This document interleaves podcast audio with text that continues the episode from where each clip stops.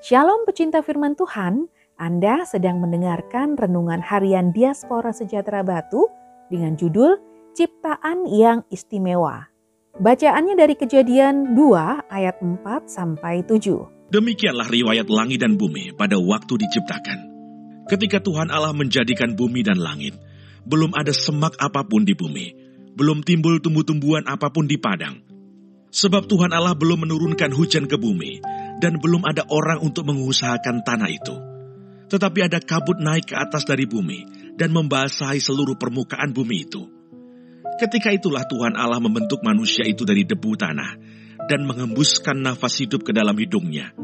Demikianlah manusia itu menjadi makhluk yang hidup.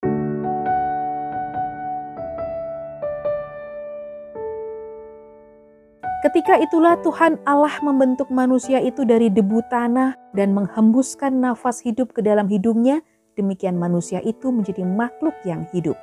Kejadian 2 ayat 7.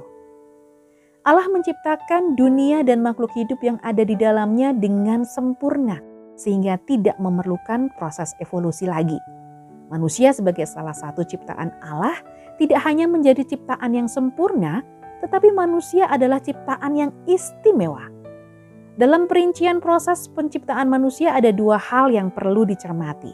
Yang pertama adalah debu sebagai bahan yang dipakai untuk menjadikan wujud manusia, yaitu debu atau afar yang berasal dari tanah atau adamah.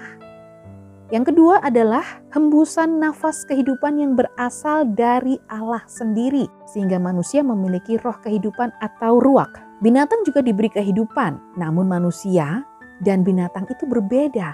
Sebab manusia diciptakan menurut gambar dan rupa Allah yang memiliki perasaan, pikiran, dan dengan pikiran tersebut manusia bisa menalar.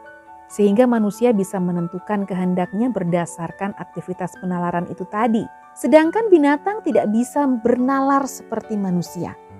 Dengan keistimewaan inilah maka manusia diberi kuasa atas segala binatang dan ciptaan Allah yang lain. Melalui manusia sebagai ciptaan yang istimewa inilah Allah memelihara ciptaannya yang lain dan manusia menjadi wakil Allah di bumi. Sadarkah Anda bahwa Anda adalah makhluk ciptaan Allah yang istimewa yang dikaruniai perasaan, pikiran, dan kehendak bebas sehingga bisa memilih apa yang baik, apa yang tidak baik, yang benar dan yang tidak benar berdasarkan nalar. Oleh karena itulah setiap keputusan yang kita ambil akan kita pertanggungjawabkan di hadapan Tuhan. Sebab Tuhan menghargai kehendak bebas manusia didasarkan atas proses penalarannya. Beginilah firman Allah Tuhan yang menciptakan langit dan membentangkannya, yang menghamparkan bumi dengan segala yang tumbuh di atasnya, yang memberikan nafas kepada umat manusia yang mendudukinya, dan nyawa kepada mereka yang hidup di atasnya. Yesaya 42 ayat 5. Tuhan Yesus memberkati.